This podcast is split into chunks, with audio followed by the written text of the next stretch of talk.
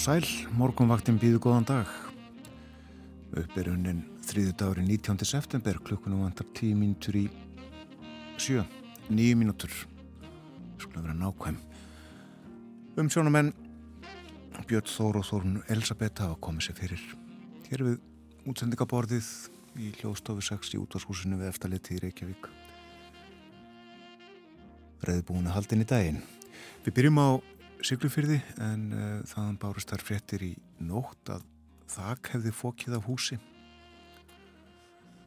Og ekki bara þakið heldur líka gafl. Gekk mikið á kvast og mjög kvast í kviðum. Einn maður var í húsinu en hann sakaði ekki. Og brak úr húsinu fauk á nærligjandi hús og skemmti það. Og uh, Björgunarsveitir og aðrir viðbráðs aðlar hafa verið að störfum á syklufyrði í nótt við að loka svæðinu. Og uh, tryggja að brak og annað lauslegt fjúki ekki. Húsið uh, við aðalgötuna á syklufyrði sem að liggur svona um það byrj frá samkaupsvestlunni og niður að ólístöðinni margir þekkja þessa leið þar við stendur bakarið, aðal bakari en uh, götur eru lokaðar á syklufyrði og ég held líka bílastæðið við ramma.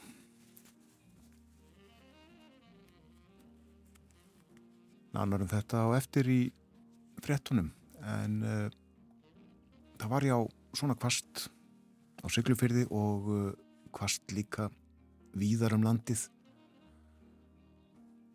voru í gildi og eru enn eh, viðvaranir vegna viðus en það er eiga þó engum við um östfyrði og östurlanda glettingi förum hérna yfir uh, kortið uh, skoðum hvernig veðri var samkvæmt veður aðtugunar korti veðustofunar klukkan 6 fyrir 50 mínútum.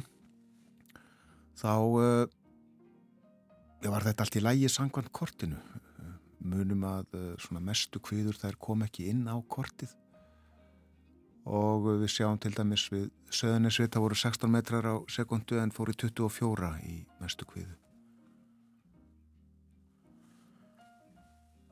Það förum ringin, byrjum í Reykjavík nýju steg að hitti í höfuborginni klukkan 6 og 5 metrar fór í 10 í mestu kviðu. Það var lítilsáta ryggning, svipaveður á kvanneri, kvassara í stikkisólmi fór í 22 metra í mestu kviðinu þar, nýju stiga hitti nýju stiga hitti líka á Patrísfyrði og 19 metrar í mestu kviðu svipað í Bólungavík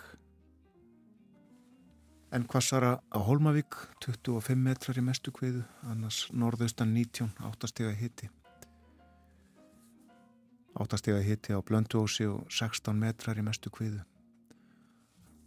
Áður var staðamála á söðunisvita nefnd en eh, á Akureyri já, tiltölulega hægur vindur þar þrýr metrar tólf í mestu kviðu sömu sögu að segja frá Húsavík. Kvassar á Rauvarhöfn 12 metrar fór í 19 þegar vestlétt kvast á Skeltingstöðum líka en hægari vindur á Eilstöðum 6 metrar. Á höfni Hotnafyrði 12 metrar í mestu kviðu. Átjón á kvískerjum.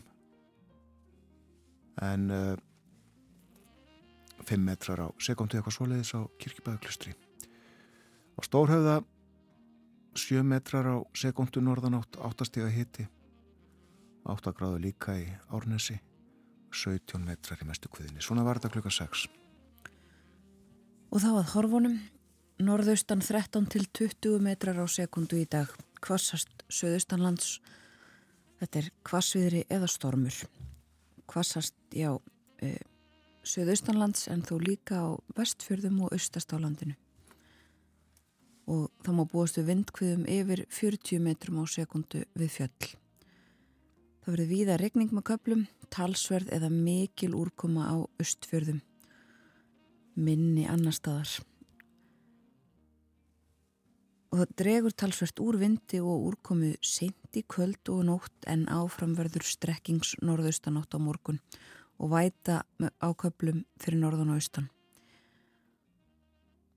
Hitin 5-13 stig hlýjast á Suðausturlandi en e, það kólnar smám saman á morgun við búið að gráni í fjöll þar sem úrkomu gætir segir í hugleðingum viðfræðings og gular veður viðvaranir vegna regningar eru í gildi fyrir Östurland og Östfyrði út daginn í dag og vegna aukinar hættu á örskriðum og tjóni á mannverkjum er í gildi appelsínu gul viðvörun fyrir Östfyrði. Hún gildir til miðnættis og uh, líka óvissustig, almannavarna og hættustig á seðisferði. Meira en um veðrið á eftir og uh, alveg öruglega í frettunum sem að koma eftir rúmar þrjár mínútur. Það er komið að lægi hjá okkur á morgunvaktinni.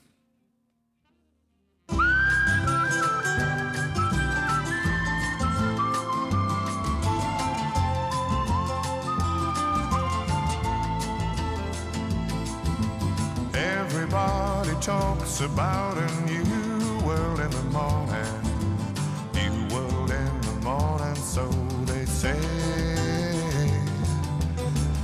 myself don't talk about a new world in the morning. New world in the morning, that's today. And I can feel a new tomorrow coming on. And I don't know why I have to make a song.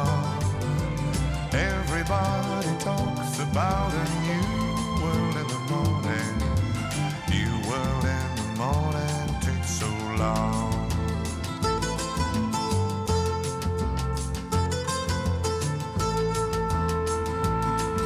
I met a man who had a dream he'd had since he was 20.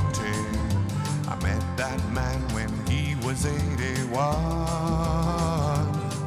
He said to many folks, just stand and wait until the morning. Don't they know tomorrow never comes? Tomorrow coming on.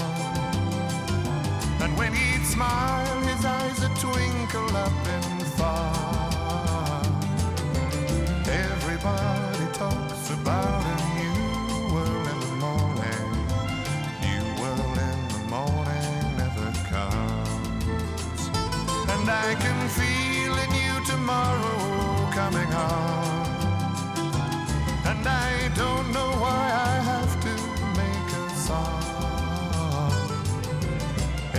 Everybody talks about a new world in the morning.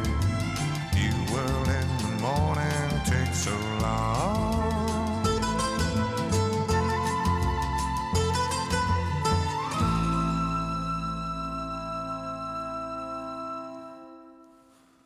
Roger Whittaker flutti í lagi sitt New World in the Morning frá 1971.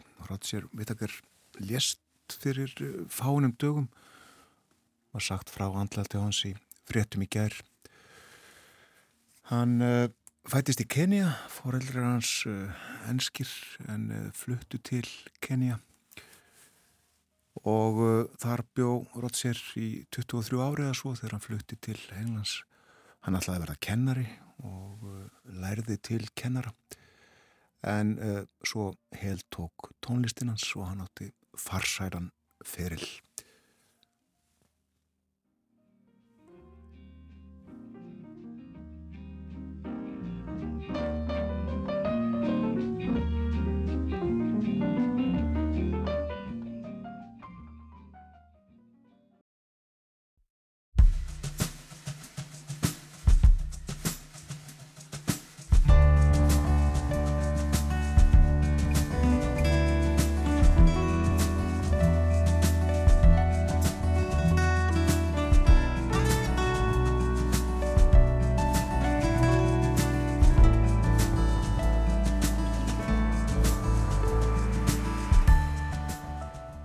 Góðan dag, morgunvaktin heilsar.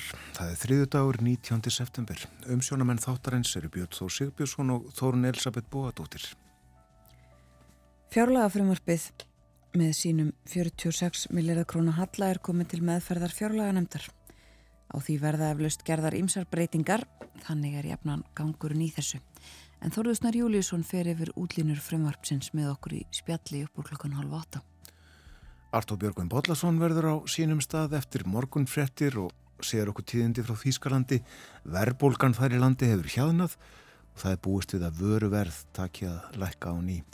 Artur fyrir við það og fleira í Berlinaspjalli. Og í dag fer fram í Reykjavík alþjóðleg ráðstefna um skaðsemi áfengis.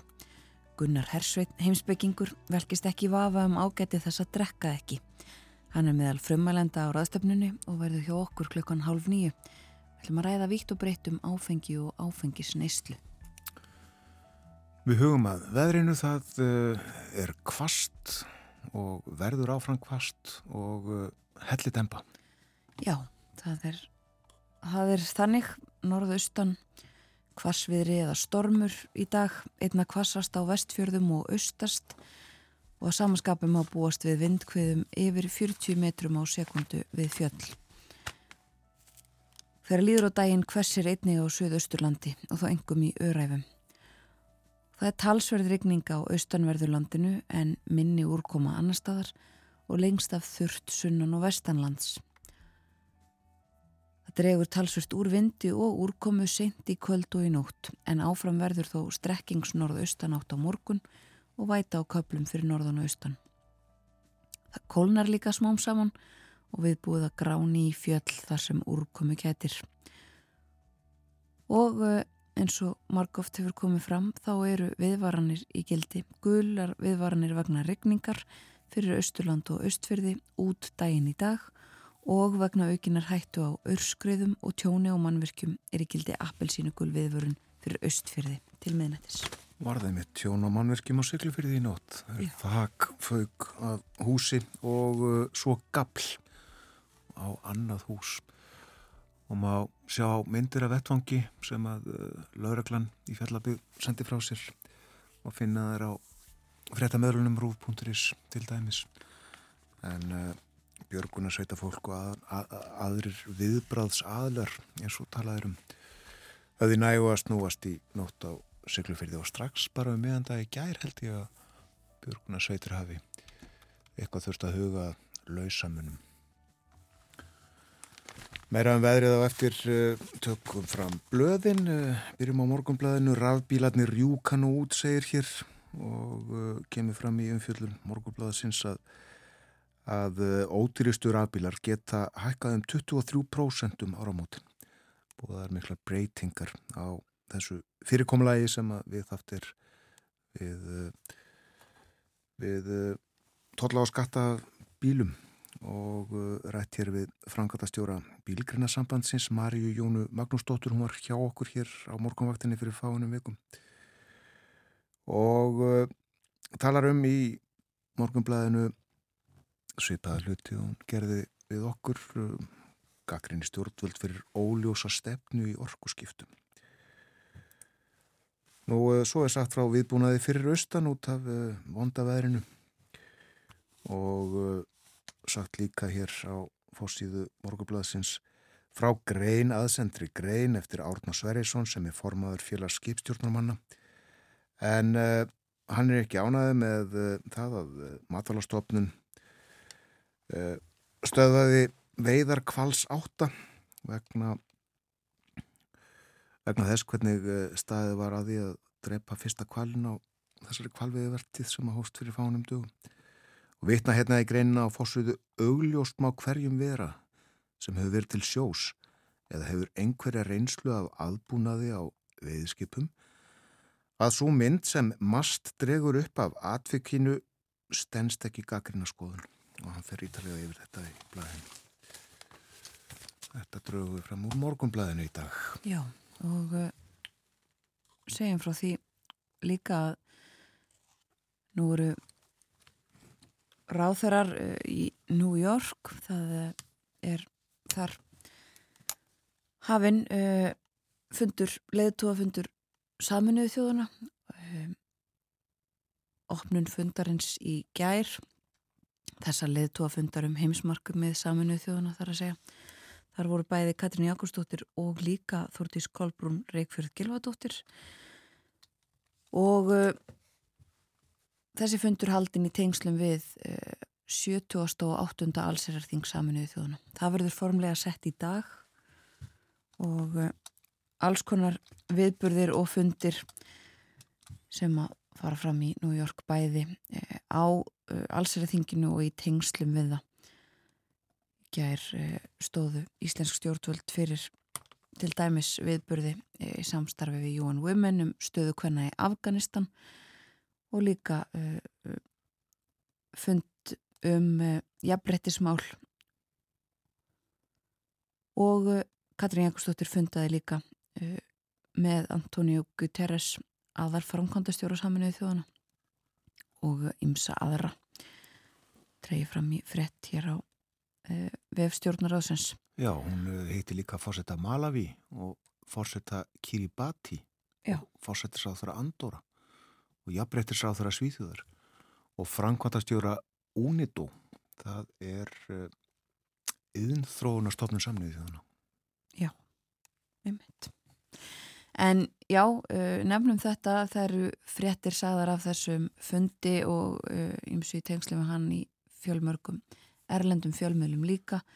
Um, meðal annars uh, talað um það að uh, Volodymyr Selenski Úkræðinu fórseti er uh, já, leið eða komin til bandaríkjana líka, hann ætlar að uh, ávarpa allsirarþingið í dag og að það gerur hann í eigin personu uh, í fyrsta sinn frá því að innrás rúsa í Ukrænu hófst í februar í fyrra. Og hann haft eftir honum í samtali við bladam en það sé mjög mikilvægt að uh, öll okkar orð, öll okkar skilaboð þau heyrist og uh, hann verður eitt terrasarsett sem ávarpar þingið í dag. Ímislegt uh, fleira auðvitað í fjölmjölum og dreyið fram meðal annars í dönskum fjölmjölum talaðum uh, pólitíkina. Borgþór Argrímsson sagði okkur aðeins frá stöðu Sörens pappi Pólsson í síðustu viku og uh, nú sagt frá því að 50 uh, svona sveitastjórnamenn hátsettir séu samálum það að hann sé ekki rétti maðurinn uh, til að veita íhaldsmönnum formensku og uh, í Svíþjóð fjallaðum það á fórsjónum að það þurfi að uh, leggja stoltið og, og flokkapolitíkina til hliðar allir flokkar þurfi að koma saman til þess að takast á við gengja ofbeldi og, og erfitt ástand í þeim málum í Svíþjóð. En já, þetta eru meðal þeirra frétta sem við drögum fram úr, úr erlendum fjölmjölum í bandaríkjónum tala svolítið um þessi fangaskipti við Íran sem að voru í fréttum í gær. Uh, bandaríkin sleftu tíu úrhaldi og Íran er fimm í fangaskiptum og myndir af uh, föngunum bandarísku. Og svo líka sagt að uh, nýjar kanonir síni að kjósendur hafi vaksandi áhyggjur af orkustígi bandaríska fósitans og aldrei hans. Og það sé á meðal demokrata þessar áhyggjur. En ef ekki að heyra eitt lag, það rignir í Reykjavík og víðarum landið og uh, er tölvert kvast eins og við höfum komið inn á. Við ætlum að heyra lag sem heitir Lauf sem fíkur. Þetta er Anna Pálína Átnódóttir sem syngur.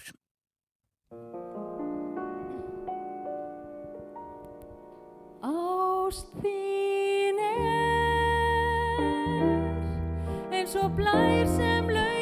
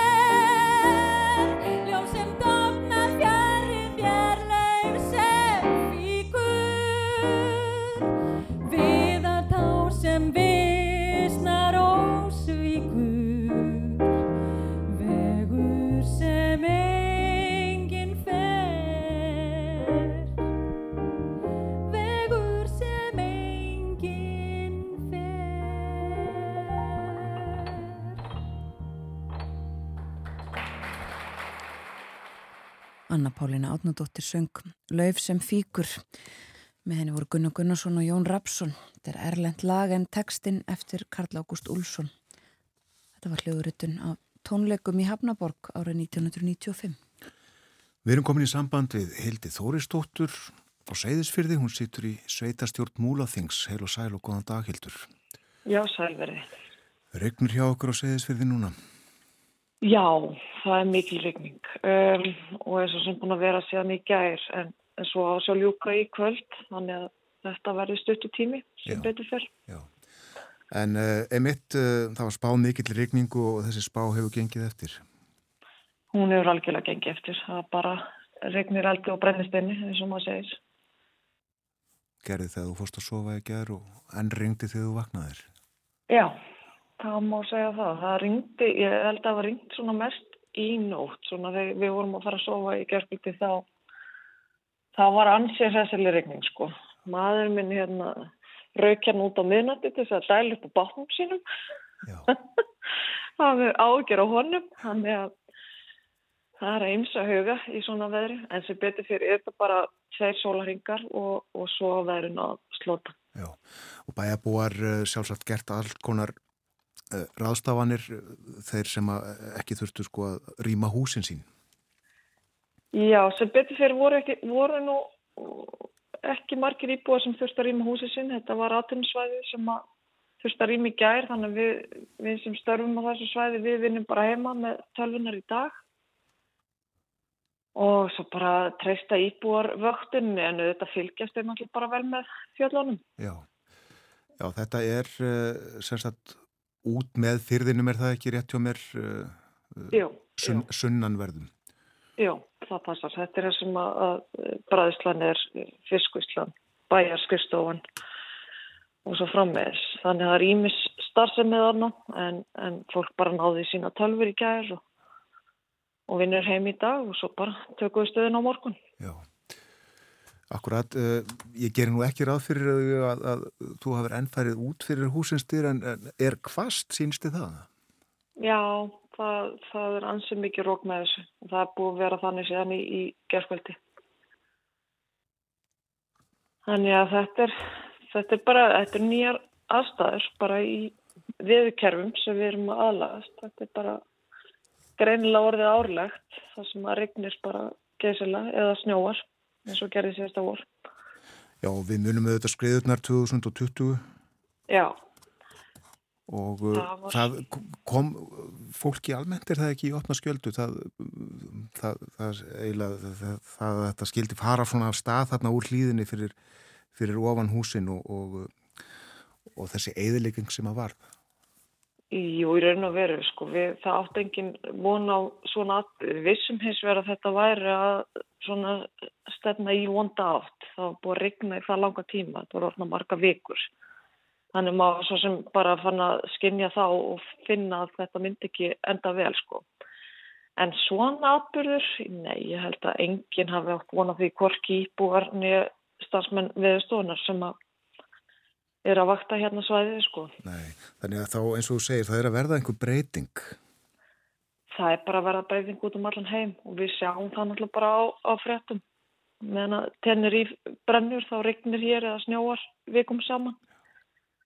Þannig að þetta er náttúrulega bara loftlags áhrif sem að hérna er bara verulega ástæð til að hafa ágjur af. Já, og þið finnir vel fyrir þessu segðsverði. Já, við gerum það. Mm. Hvernig uh, fer það í fólk þegar það þarf að rýma húsin sín? Þetta er erfitt þegar þetta er svona síendu tekið. Þá er þetta náttúrulega rót. Við sluppum vel í, í, í þetta sinn en ef þetta fyrir að verða svona árlegt þá er þetta náttúrulega mjög mikið auka álag á fólk. En það er nú segfinningar býstna þrautsegis þannig að fólk hefur bara haldið vel utan um hvort annað og, og og leta til vinna og ættinga í þessum aðstæðum. En, en maður vonaða besta fyrir veturinn, það mun ekki, ekki reyna mikið af það. Það eru víða eh, gestaherbergi og lausi sófar fyrir fólk. Já, já, já, já. Þetta er bara, þetta er þétt og gott samfélag og allir bónir og búnir að hjálpa. Þannig að það hefur ekki verið neitt vandamála að koma fólki fyrir. Hvað hefur verið gert í ofanflóðavörnum uh, frá því að skriðuna fjallu í desember 2020? Sko, það er náttúrulega búið að auka alveg verulega á vaktunna þannig að það eru bara speklar hér og það er búið að setja upp mælitæki sem að voririnn og verið ekki í svona miklu mæli. Núna er bara hlýðin alveg geysilega mikið vaktuð og ef það er einhverja hreyfingar þá geta það nána smelta bara upp á millimetra. Um, og svo náttúrulega erum við svo sem að, að byggja varnir en það hefur svo sem ekkert að gera með skriðin á 2020. Við erum að byggja hérna varnir fyrir ofan bakkana eins og við kallum það og svo framkvæmt gengur bara bísna vel og það eru snjóflóðavarnir. Og þar er, er, er sérstaklega unnið dag og nótt og hefur verið? Það er unnið, já, já, já, það er unnið og það verk hefur gengið alveg geysilega vel og í raun og veru hraðar heldur en áallan er gerður áferir. Já. En uh, endurbætur og uppbygging uh, eftir uh, skemmtirna sem urðu þarna 2020, hvað standa þau má? Það gert ótrúlega vel, bara, bara unni dag og nótt, bara fyrsta halva eftir skriðunar og menn bara unni þeirra ekkverki. Og í raun og veru er svæðið sérst í kringum múla, það er í raun og veru bara lítið betur út heldur að gerði fyrir skriður en auðvitað er náttúrulega sár þar sem að flestu húsin fóru. Það er náttúrulega bara ekkert í dag þannig að þetta er svona þetta er alltaf sérstaklega að sjá þetta sko. Já, einmitt. En uh, Hafnargatan uh, já hún er uh, lokuð að hluta í dag er það ekki og, og strandarvegurinn út með fylginum Jú, jú, jú. Það er ekki marg með því að fólk sé þann í dag og fólk er bara hefur hann áðugt með tölvuna heim í dag í þessu veðri og, og svo var svo mikið lána það er ekki fisku núna þannig það var hvort er ekki vinna í fiskullinni. Þannig að við bara gerum það besta úr þessum aðstæðum og, og svo bara nýst dagur á morgun. Já, það er búist við að, að, að þetta viðbúnaðar ástand, hvað er þetta kallað, óvissu stig, hættu stig hreinlega, að það var í, hvað, fram eftir degi, langt fram eftir degi? Ég, ég gerir það fyrir að, hérna, að starfverðið endur skoðar síður í dag eða í kvöld. Já. En eh, fundur er það ekki einhvern tíman upp úr átta? Jú, 8.15 þá funda við stöðun og, og fyrir yfir stöðuna, fyrir yfir mælingar og, og svo bara staðan tekin í dag. En eins og ég segi, sko, eins og er búið að koma fram, þá var ég alveg mjög þurr, er lítið búið að regna í, í sömar. Þannig að hann getur tekið vel við og þetta eru tveir sólaringar þannig að þetta er ekki langur tími og það hjálpar. Já. Má væri með meira ágjör ef þetta væri leng lengra tímabill. En uh, gott að dagur er risinn og uh, tekið að byrta það er betra að uh, sjá þarna upp í hlýðarna trúi ég. Það er það og við sem að hérna búum hér og þeir sem hafa búin lengi við þekkjum fjöllin hérna mjög vel. Þannig við erum bara með augun hérna og öllum læk, lækjónum hérna sem hafa stekkað og, og svo sem hérna bara þekkjum enginin þeir sem hafa búið einna lengst. Þeir, þeir, þeir vita hvernig þetta hafa sér þegar þetta er að stafna í óöfni Já, þakkaði fyrir þetta Hildur á Seyðisfyrði Sumleðis Hildur Þóristóttir uh, var í bæjastjórn Seyðisfyrðar og uh, er núna í bæjastjórn eða allir heit ekki sveitastjórn múlaþings eftir uh, saminningu sveitafélaga, fjöra sveitafélaga á Östurlandi fyrir nokkrum árum. En uh, það regnir eldi og brennisteini á saðun og uh, er kvast en hún róleg og uh, seðferðingar líklega flestir. Þetta er vaktað vel og mælar veðustofunar nema sko millimetra breytingar í, í landinu. En uh, Rúnarsna Reynisson, fréttamáður okkar fyrir austan var á segðisfyrði í ger, uh, talaði mitt við Hildi í fréttunum klukkan 7 og mótti sjá þarna myndir í fréttinu af uh, Anni Fjörðaranni sem var, já svona, já ljósbrún á lit.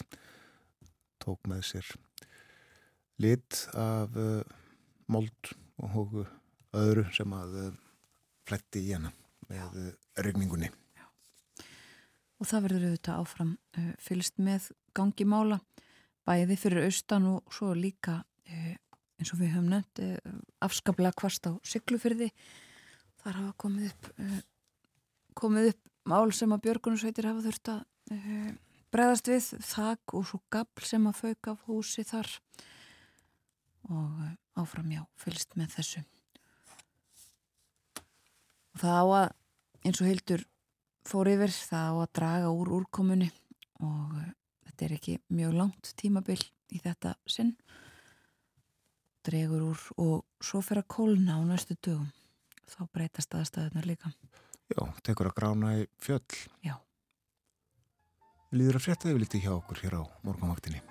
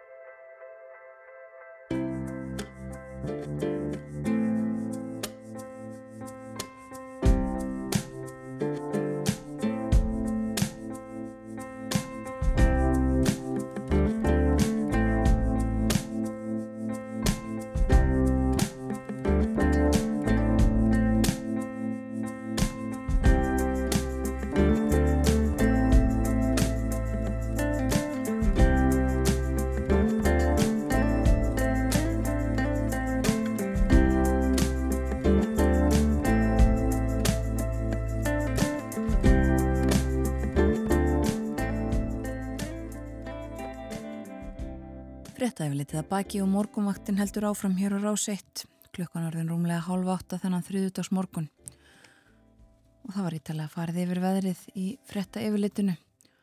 Áfram fylst með stöðumála þar sem að eru í gildi viðvaranir og hættustig fyrir austan.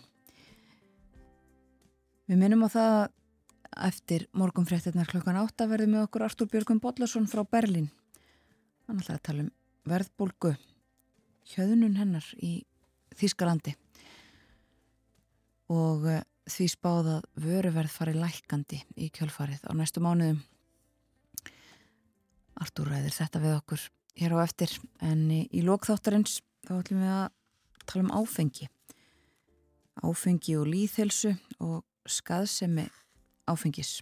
Gunnar Hersveitn heimsbyggingur hefur velt þessum málum fyrir sér lengi og hann er meðal fyrirlesara á norrætni ráðstefnu um þessi mál í dag. Hann verði með okkur upp úr klukkan halv nýju. Talandum áfengi, það hekkar í verðið um áramótin samkvæmt fjarlaga frumarpinu en uh, frumarpi það er með tilum fjölunar hér næstu mínutur. Fórðusnar Júliusson, reittstjóri heimildarinnar komin í þáttin með uh, frumarpið undir hendinni allar hundrað og hvað það er nú síðurna góðan dag og velkomin. Takk. Uh, getur þú svona fyrst uh, farið aðeins yfir eh, viðbröðin við þessu frumvarfi er, er ánægja með það eða óanægja, er kannski alltaf óanægja með fjálaga frumvarfi? E, já, það er það nú eiginlega alltaf, það er að segja hver, sér hver þetta með sínu nefi það eru þetta ánægja hjá stjórnarliðum eins og alltaf. Það er óanægja hjá stjórnar anstöðu sem segir að hér séum endur tekið efni að ræða sem er að mörguleitir í ett. Hér er verið að leggja fram frummar sem byggir að stóru hluta á þeirri stefnu sem var mörguð með framlægningu fimm ára fjármála áallunar í vor. Eðlilega? Já, já, eðlilega og, hérna, og þar er leiðandi ekkit kannski neitt rosalega mikið nýtt þar inni en svona kannski þessi stjórnarastan hefur verið að kalla eftir er eitthvað til þess að bregðast við þeim aðstæðum sem að skapast síðan við erum stundum auðvitað fram með fyrir erfiðum kjærasamningum og, og, hérna, og verbulgan hefur verið þrálátari en, en, en vonir stóðu til. Uh, eh, verkefliðsreyfingin er ónað og segir að segja verið að hegla breyðubökunum enn og aftur. Uh, ekki verið að sækja fjármunni í skatlatningu á þá sem hafa meira til þess að leggja til málana og hérna, heldur verið að skattpína og skattpína þá sem hérna, síst skildi og uh, hagsmunagæslu aðilar atvinnulísins kvarta yfir nýjum álögum og skorti á skuldaneðugreyslu. Já, þetta er allt fyrir séð má segja. Já, já, þetta er leikrit sem við höfum alveg séð áður mm -hmm. uh, og jafnvel með þessum sömu leikarum. En búist við uh, rekna með miklu minni halla heldur en síðustu ár?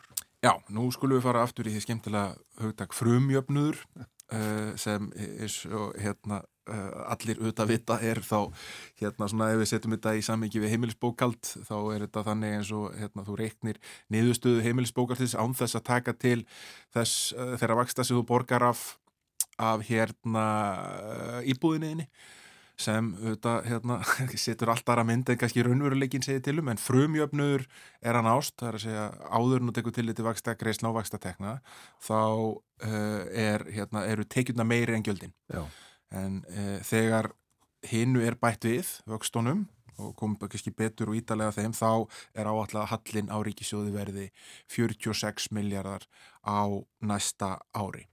E, það kom fram í kynningu Bjarnar Bendiktssonar fjármál og efnaðsráð þeirra að það er ekkit Euróbríki sem tölur ná til sem hefði haft meiri hagvöxt á fyrri helmingi ásins en Ísland sem er rétt uh, og að þessum hraða uh, svona þessum hraða vexti hafi fyllt mikið lumsvið á aturmarkaði störfum hafi fjölgað um, um, um 30.000 frá síðustu mánuðum ásins 2020 sem auðvitað var svona hápunkti kórnuveru faraldus og, og hérna uh, og það verður að taka tillit til þess þegar hort er á þær tölur en á móti þá hefur líka komið fram meðan þessi tölum hjá Sælabankanum að framleiðni stendur alveg í stað.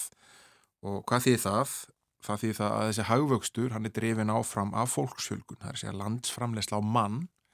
Hún er meira og minna svo sama um mitt þetta hún var árunni 2019 og þannig að við erum að vaksa vegna þess að uh, þeim sem er á framleiðan er að fjölga framleiðinin á hvern og einn sem þykir svona eftir, eftirsoknavert að auka framleiðin á hvern og einn að við séum að búa til vermaðari störf og vermaðari vöru og vermaðari þjónustu til þess að selja og, hérna, og nota til þess að undirbyggja okkar lífskjör. Já. Hún er meira meina standa í stað. Já, þessi vöxtu liggur í, í, í magni fredkar en gæðum, kannski, þetta segja. Já, uh, og við, okkur hefur auðvitað fjölgað alveg gríðarlega hratt á skömmum tíma og, og, og þar auðvitað skiptir mestu máli, já, hér er mikið byggt á, um tíma sérstaklega, menn, 3800 og eitthvað íbúðir sem voru fullbyggðar hérna fyrir ekkit svo mörgum ára síðan á einu ári sem er gríðarlegt magn og svo auðvitað ferðarþjónustan. Já, svo er þetta verið að byggja hérna landsbítala og stakka flugstöðun og einmislega flera. Já, heldur betur og það verður gefið verulega í, í að stækka landsbítalan og við heldum séða bara fólk sem keirir í áttina að honum hvaðan er, eh, ef við erum farin að sjá hann, þú keirir niður bara miklubröðina og þá blasir hann við í þetta alveg gímald sem hann verður og það eru þetta er 25 miljardar, 24-25 miljardar sem á að setja í uppbyggingu hans á næsta ári og það er hæsta framlag sem eh, hefur verið lagt í það eh, í tölvert langan tíma svona annað kannski uh, ef við horfum á samgöngu úrbætur þá er hérna kannski sínilegasta samgöngu úrbútin sem var ráðast í að þá hef ég að vinna við Ölfusbrú, nýja Ölfusbrú. Þannig að hérna, það er eitthvað sem mun gagnast mörgum þegar hún verður tekin í gagnið Og svo er verið að bæta tölvert af fjármunum í e, það að rí, ríki er að leggja aukin framlög til óhagnadrifina leigufjöla e, eða, fastna þrónafjöla til þess að, hérna, að byggja upp húsnæði og það er að standa sagt, þetta á að leiða til þess að þúsund íbúðir veri byggðar af þessum aðeilum á næsta ári. Og þannig eru þetta ríkit aldrei svona að býta í skottið á sér eftir að hafa lagt niður félagslegt húsnæðiskerfi hér fyrir hansi mörgu áru síðan og vera síðan að reyna að byggja upp einhvers konar vísir af nýju slíku. Eh, Við förum bara yfir uh, tölurnar eins og það eru, þetta eru allt háar tölur. Tekjurnar sem ríkisjóður áallar að hann afli sér á næsta ári eru 1349 miljardar króna og á móta allar hann að eða 1395 Uh, útgjaldaraukningin melli ára er 7,2% og uh, hallin er spáða spá, hallin verði minn, meiri á næsta ára en hann er spáða að verði ár, spáða að verði sett í fjárlega frumvarpinu núna að hann verði 41 miljardur í ár sem eru þetta miklu minni hallin en spáð var þegar fjárlega frumvarp þess ás var lagt fram uh, vegna þess að tekjurnar hafa reynst miklu meiri og þar skiptir auðvitað gríðarlega innspytting að verði sökka skattstekjum vegna komu ferðamanna Uh, miklu máli. Uh, og uh, já og þetta er, er útgjöldin að vaksa svona í takti við það að okkur er að fjölga. Það er eðlegt að hérna, útgjöldin aukist í takti við það að okkur sé að fjölga. Já. þannig að svona þessi þessar rástafunir sem á að grípa til til þess að hérna, svona hæja á útgjalduraukningunni þetta var kynnt með miklu pomponprakt áður en að fjárlega framöpa kynnt hérna, að þetta ná 17 miljardum króna með því meðal hans að segja upp einhverju ríkistarsmönnum og frest einhverjum framkvæmdum og, og, og svo leiðis e, það eru þetta ekki e, spartmaður per se. E, og heldur er það svona þetta er já, hægari útgjaldaraukning og það má þetta segja það aftur þegar okkur er fjölga svona rætt að það er alveg eðlilegt að svo sé. En talandum um uh, sko áætlunna og uh, svo það sem að er í raun uh, sem sagt uh, fjárlega hallin á þessu ári verði miklu minni heldur en uh, gert var ráðfyrir í lögunum og uh, þar koma til þessi auknu umsví í samfélaginu. Er þá viðbúið að það geti gæst líka á næsta ári? Eh, mér er það mjög til efs að eh, við munum upplifa eh, jafn mikla aukningu. Við munum að taka til þess að við höfum verið að, að, að, hérna, að manna rosalega mörg störf sem voru mörg hver til staðar hérna árunni 2019 sko, hérna sérstaklega í ferðarþjónustinni og, og hérna og þegar við vorum í miklu uppbyggingafasa í byggingageran. Það það kemur mér allan að mjög óvart ef við myndum fjölga eh, já, pratt á næsta ári okkur hefur gert í ár. Eh, það eh, kemur mér líka óvart ef að, hérna, ef að hlutfarslega fjölgun ferðamanna væri í einhvern takt á milli árana 2023 og 2024 eins og hann var á milli 2022 og 2023 við erum komin meir og minna á þann stað sem var þegar flestir voru hérna 2018 yfir 2 miljónir sem koma hingað í ár. Uh, og hann má búast við því kannski að veri ykkur fjölgun hún verður ekkit í takti við það sem hún var á melli sístu tveggja ára. Uh, en við skulum kannski líka horfa uh, aðeins á, nú erum við búin að tala um tekjurnar og, hérna, og hallan og skulum hans kannski staldra við skuldinnar uh, skuldar, Ríkisjóð skuldar auðvitað ansi mikla fjármunni, hann spá því að skuldir hans verði 1699 miljardar í lok ást 2024 sem er eh, aðeins minna en, en, en hann skuldar á að skulda í lok þess ás en inn í þetta verður að taka að aftur stendur til að selja hluti ríkisbanka sem hérna nú bara helmingsslut að eftirstandi hluti í Íslandsbanka til þess að nota til neyðugristu skulda. Og, og ef ekki ef það gengur ekki eftir þá þarf að fjármang þetta með öðrum hætti.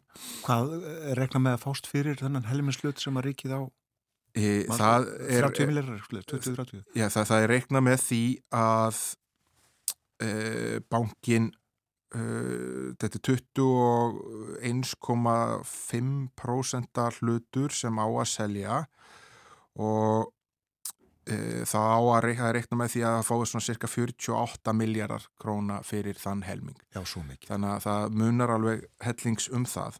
Uh, en þetta svona þýðir ef maður nota bara svona uh, hérna, hefbutin viðmið þegar við reikna út skuldir, það er sko skuldar hlutfall ríkisjós, þetta vorum að ræða hérna um daginn, uh, að hvernig hverju munurinn á fjármálum til dæmis sveitafjöla og, og ríkisjós, þá er skuldar hlutfall, þar sé hlutfall heilda skuldatekjum í lok næsta ás um, um 122% sem er herra en til dæmis það er hjá Reykjavíkuborg, en aftur, eða alluta Reykjavíkuborgar, en aftur eru við að taka til þess sem lögðu var áhersla þegar við rettum þetta að ríkið hefur þetta alltaf og viðfemari leiðir til þess að fjármagna sig eh, við viðfemara skattlagninga vald og getur prenta peninga. Og lánshæfis einhvernin AAA er það ekki? Já, uh, og uh, sko í mikill verðbólgu, því að meðaltali eru skuldir ríkissjós um 20-30% verðtriðar það auðvitað uh, gerir það verkum að, að, hérna, að er skuldir verða mun dýrari þegar við erum í svona ástandi þess að við erum núna. Uh, í þessum skuldatölum sem ég var að tala um hérna áðan þá er til dæmis ekki tekið tillit til þess þegar þess að það verða að tala um sko, uh, skuldir ríkisjós þá er til dæmis ekki tekið til til þess sem ríkisjóður mun á einhverjum tíma gangast við vegna í eldsjós, gamla íbúðalánasjós Eh, og staða þess sjóðs hefur vestnað mjög mikið. Eh, þegar það var stopnaður þá var eigi fíast neikvægt um 180 miljardar nú er það neikvægt um 230 miljardar og við veitum það auðvitað, hérna, sem hefur fylgst með þróun mála ef við staðið til að leggja fram frumörk til þess að hérna slíta þessum sjóði að ná okkur sáttu kröðan sem eru uppstöðu lífur í sjóður og það hefur ekki gengið mjög vel. Nei, þeir segja bara nei. Þeir segja bara nei. Og en núna á að leggja fram frumörk í, í haust um það hérna, sem á heimila slitt á þessum sjóði. Og á einhvern tímapunkti mun ríki þurfa að gangast að taka þessar byrðar með einhverju leiti á sig hversu mikla þær verða áttur að koma í ljós og fyrir þetta niðurstöðunni. Get, því getur verið dreift til langstíma vantanlega? Já, en það sem svona kannski vekur mesta aðtegli og kannski óróa uh, er það hversu vaksta gjöld ríkisjós eru að hækka mikið. Uh, vaksta gjöldin til dæmis þegar fimm ára fjármála áallunum var lögð fram núna í vor og samþygt í byrjun júni þá var áallat að vakstakjöld á næsta ári er 97 miljardar króna ári sem er rosalega háfjárað og peningar sem við getum sannlega að nota eitthvað annað en að borga vexti af, af, af lánum. Nú nokkru mánuðu setna þegar fjárlagafröðum er lagt fram er hann áallar 111 miljard hækkað um næstum 14 miljardar bara yfir sumarið og það er til dæmis bara næstu þreföld svo upp að sem ríkið ætlar að ná uh, að spara sér með því að, að segja upp hérna einhverjum tæmlega 300 ríkistarsmönum í, í því til þess að hæja á, á, á útgjaldauðkningunni uh, eh, og þetta er auðvitað ákveðið ágefni þetta því það um svona 8% allar að tekna sér ríki afla sér er að fara í borga í, í borga vexti af lánum þess og, og hver einasti íbúi landsins er að skulda já, svona cirka 280.000 krónur eh, í vexti af þessu, af þessu. og það auðvitað hérna, eins og segir, ágjöfni eh, verðtriðu skuldinnar hvernig það er að fara og, og vakstakjöld Íslands eru með þeim hæstu bara í Evrópu þegar hérna, þau eru búin saman með önnu ríki eh, Evrópsamhansins ég held að þegar hérna, þetta var tekið saman í kynningu í upphæfu þess ás þá var það bara held í Ítalija sem var að borga eh, herri vakstakjöld en, en, en Ísland þegar búin saman við ríkin sem til er að Evrópsambandinu og, eða ES-svæðinu og, og það eru þetta ágjörnum þess að Ítalín og sannlega ekki þekkt fyrir ráðdeldi í efnaðasmálum og ríkisfjölum. En þetta getur lækkavendalega líka eins og það hækkaði ef aðstæður batna. Já, vandamálið þetta er það að við, við erum með uh, svona stórt hlutvall af verðtrífum skuldum sem er kannski ekki eitthvað sem aðrir er að klíma við og, og þar leggjast verðbætur og, og, og höfustólána þannig að þær fara ekkert verðbætunar Uh, þetta lækkar ekki nema við förum í það mjög markvist að greiða niður skuldirnar eða það að hérna, jú, aðstæður batni mjög á mörgum og við getum endur fjármagnað eitthvað aðeim og fengi betri kjör, það er auðvitað ekki útilokað en eins og staðan er það voru eitthvað að ganga frekar ítla að eiga við verðbólguna. Langtíma horfur var þetta verðbólgu hafa verið að vestna þrátt fyrir að hún er svona til skamstíma aðeins skánað uh, og reyndar hækkaði örlítið á milli síðustu mánuða þannig að það eru svona, það eru margar áskorannar sem eru framöndan þarna og þú við skulum líka mun að þetta er fjárlega frumvapið, svo eftir að fara í gegnum alla fjárlega vinnuna reynsland sínur nú það að fjárlega vinnan skilar uh, auknum útgjöldum frekar en hitt það er eiginlega hérna, eitthvað sem maður getur uh, já, alveg lagt pening undir að gerist þegar hérna, alls konar hagsmunur aðilar koma sínum sjónamöðum á framfari um það hvernig þetta er allt saman að vera Já. og þannig að hérna, þegar fjárlögin verða á endanum afgreitt í sennilega í desember þá, hérna, þá munuðu líta eins öðru sút en þau gera núna. Það er líklegt. Fjárlaga nefndin með eh, frumarpið held ég í tvo mánuði til umfylgjunar. Eh, en það er ímislegt annað þarna. Við myndist á, sko, á að hafa gaggrínt mjög mikið á þessu í, í síðustu fjárlögum að, að svona krónutöluhækkunum að veld út á, og þetta er eitthvað sem svona lendir á mörgum heimilum. Þetta eru króntölugjöldin þá verður að tala um álugur á, á, á áfengi, að verður að tala um álugur á, á ökutæki, alls konar slíkt. Og, og það hefur svona verið hefð fyrir því að þetta fylgir bara verðlægi og hækkar þannig en hérna þegar verðbólkan er mikil auðvitað þá er þetta miklar hækkanir. Og það er brúðist við þessu í ár, eh, það er hækkað undir Sagt, uh, undir verðbólgu það er hækkað á hækkum 3,5% um komandi áramót, ég veit ekki alveg af hvað henni fengu þá tölu. Hún er ekki hérna, verðbólgumark með selabankans en, hérna, en er bara eh, svona einhver tala sem er valinn þannig að þessi uh, gjöldmunu lækka þá raunverði það er sér að búa að taka til, til verðbólgunar en að þetta eru auðvitað samt er risastóra fjárhæðir sko, áfengiskjaldi eitt og sér á að skila 27 miljörðum í kassan á næsta ári og á móti er verið að stíga stór skref til þess að hérna, eh, að innlega nýtt kerfi um það hvernig við borgum fyrir eh, það eiga bíla og nota samgöngukerfin. Og fyrsta skrefið snýra reynorkubílum sem við að núna fara að borga meira, það verður greitt fyrir ekna kílometra og svo verður á næsta ári lagt fram eh, næsta skrefið sem snýr þá að öðrum bílum, það er þeim sem ganga fyrir jarðafnaðelsneiti og þær tekjur sem ríkið allar afla sér með álagning og aukutöki og elsniti á næsta ári eru rúmlega 63 miljardar þar af eiga 7,5 miljardar að falla til vegna þessa fyrsta skref sem á koma inn í þetta nýja kerfi. Já, uh, rafilegendur ekki þurft að borga uh, göld til ríkisjóð sem áður fóru í gegnum uh, bensín bensíngjaldið en þetta kemur þá á móti mm -hmm. og hefðum nátt gera fyrr segjar sumir. Eða segja þetta gott að fjárlega frumvarpinni bylli? Við getum alveg gert það. Eitt langar með að nefna hérna í uh, lokin uh, sko, og bara spyr hvort ég hef skilir rétt. Uh, það eru svona stór fastegna félög í landinu, heita Eik og Reytir og Reyin. Voru Reytir og Reyin að bítast um Eik? Já, þetta eru þrjú félög. Reytir er stæsta fastegna Reyin er síðan næstæsta en ekkit svo rosalega mikið stærri en eig ef við að við markasverði félagana í kaupall og uh, Reyin uh, gerði yfirtöku tilbóð í eig sem uh, upprúnlega gerði, gerði ráð fyrir því að því er tekið að Reyin myndi eiga aðeins meira í saminu félagi eða myndi eiga aðeins meira í saminu félagi en, en, en, en hluttáðar eig og Uh, hækkuðu síðan tilbúið sér þannig að, að hlutafar eigmundi fá 48% í saminuðu félagi ef að hérna, auðtöku tilbúinu dekið en hlutafar reyins alltaf vera með meiru hluta og þessu uh, lagðist, uh, lögðist stæstu hlutafar og, og stjórn uh, eigar mjög hart á móti og höfnuðu síðan á hlutafafundi uh, og vantarlega skipti þar máli að þá hefur að færa meiri hluta yfirráðin í, í félaginu samenu langstæsta þá fjárfestingafélagi, ei, fyrir ekki fastendafélagi landsins yfir til hluthafa reyins uh, sem auðvitað einhvern tilveikum eru sem sko, lífur í sjóður eru hátninni og svo leys Mm -hmm. uh, en í staðin að hefja sagt, samruna viðræður við stæsta fastendafélagi sem er reytir og þá þetta liggur ekki enn fyrir hver, hvernig skiptingin uh, yrði þar þannig að það eru saminningar í loftinu uh, og það verist vera að stjórn eikar hafi valið að fara frekar í ferli með um, reytum og, og skilja reygin eftir með sortennið.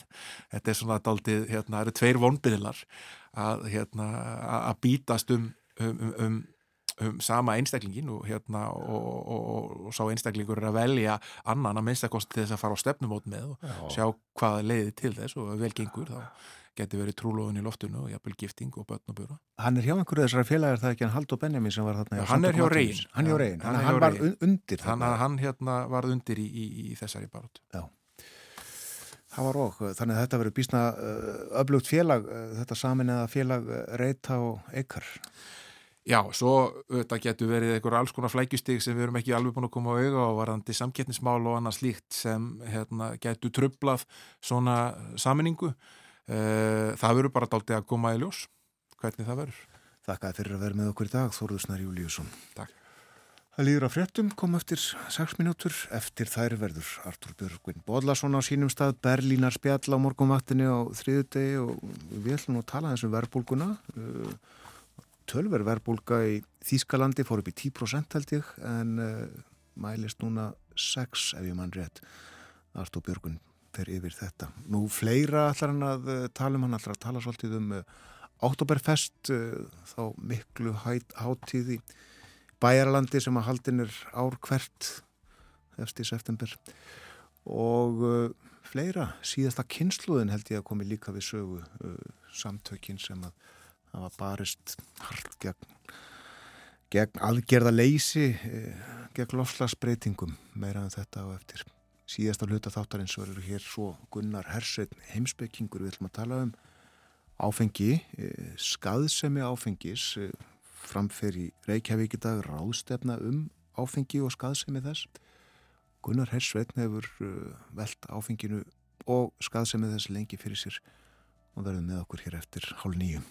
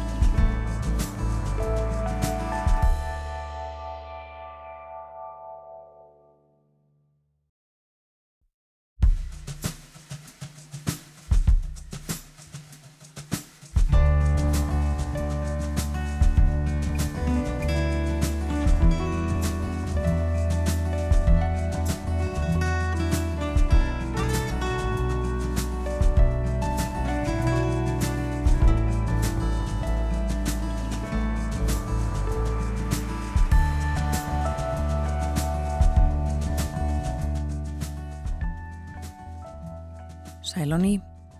Þetta er morgunvaktin á rás 1. Klukkan tæpar 6 minútur gengin í nýju þennan þriðutags morgun. Það er 19. september í dag. Farið var vel yfir veðurhorfurnar á, uh, í frettatímanum hér áðan. Við rættum um stöðumála á segðisfyrði snemma í morgun Hildur Þórisdóttir var í símanum allt með kyrrum kjörum en ringdi eldi og brennisteini eins og hún sagði og uh, margt fólk sem að vinnur heima við í dag aðalega, var aðalega atvinnuhúsnaði sem var rýmt vegna regningar og hættu á örskriðum þar. Þorðusnar Júliusson, Ritstjóri heimildarinnar var hjá okkur fyrir fréttinnar, fór yfir fjárlaga frumvarpið og svo aðeins um saminningar uh, í fastegnafélögum, þessum stóru fastegnafélögum hér á landi og við minnum á að á eftir þá ræðum við um áfengi. Gunnar Hersveit verður með okkur og talar um það. En nú erum við komin í sambandið Artur Björgun Bóllarsson í Berlin. Heil og sætl og góðan dag, Artur. Góðan daginn. Við ætlum að tala, já, áfengi kemur aðeins við sögu hjá okkur á eftir en við ætlum að tala um verðbólguna. Hún hefur verið uh, vandamál í Þískalandi rétt eins og á Íslandi undanfarind en uh, það horfir til betri tíðar þar. Já, það er alveg rétt og orðið, kannski að nefna það í byrjuna Þegar ég var að velta þessu fyrir mig þá var mér hugsað til þess hvað orðið verðbólka þó að standur nú ekki fyrir sérstaklega goða hluti. Hvað það er í rauninni flott orð vegna þess að allt okkar, allar okkar nákvæmlega þóðu kallaði þetta bara inflasjón. Nota latneska stofnun en enn sem fyrr þá er íslenska náttúrulega eins og skaldið segði orða frjósum móðis og Bóli Hjálmar held ég að orð þetta fræga frægu hendingu íslenskan orða frjósum móður ekki þarf að stíka bræður góður og við þurfum ekki að stíka neinn útlensk orði í íslenskunni en bara svona brína það í morgunsári fyrir öllu sem tilheyra að nota þetta stórkostlega fallega mál sem allra mest og blandaði engu. En verðbólgan, jú, í Þískalandi, eh, hún hefur verið vandamál hér eins og viða annar staðar á Vesturlandum og, og uh, það er náttúrulega fyrst og fremst uh, hækkandi orkuverð setni árin sem hefur valdið verð, þessu verðhækkanu, þessari verðbólgu.